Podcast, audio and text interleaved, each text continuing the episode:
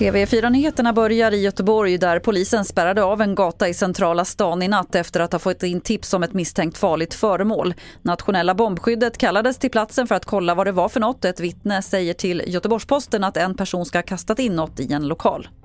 Idag är statsminister Ulf Kristersson i USA för att träffa president Joe Biden. Mötet beskrivs som ett sista försök att få Turkiet att godkänna Sveriges NATO-ansökan innan toppmötet i Vilnius i nästa vecka.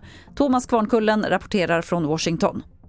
Det är ett eh, sätt för USA att skicka en väldigt tydlig eh, signal om att nu måste Sverige få klartecken och det är klart att eh, den signalen riktas just mot Turkiet. Men den stora frågan här är väl vad som verkar bli ett relativt kort möte mellan Kristersson och Biden i Vita huset här i Washington senare idag. Vad det faktiskt kan leda till och om det förändrar förutsättningarna för Sverige på något sätt inför mötet i Vilnius.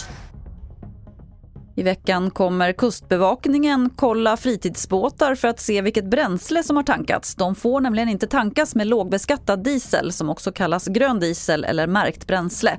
Det bränslet får bara användas i yrkestrafik. Har man tankat med fel kan man åka på en sanktionsavgift på 10 000 kronor. Fler nyheter finns på tv4.se. Jag heter Lotta Wall.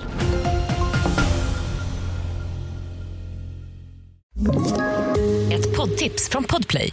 I podden Något Kaiko garanterar östgötarna Brutti och jag, Davva, dig en stor dos skratt.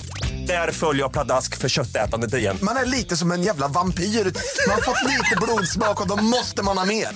Udda spaningar, fängslande anekdoter och en och annan arg rant. Jag måste ha mitt kaffe på morgonen för annars är jag ingen trevlig människa. Då är du ingen trevlig människa, punkt. Något Kaiko, hör du på Podplay. Därför är gardinerna.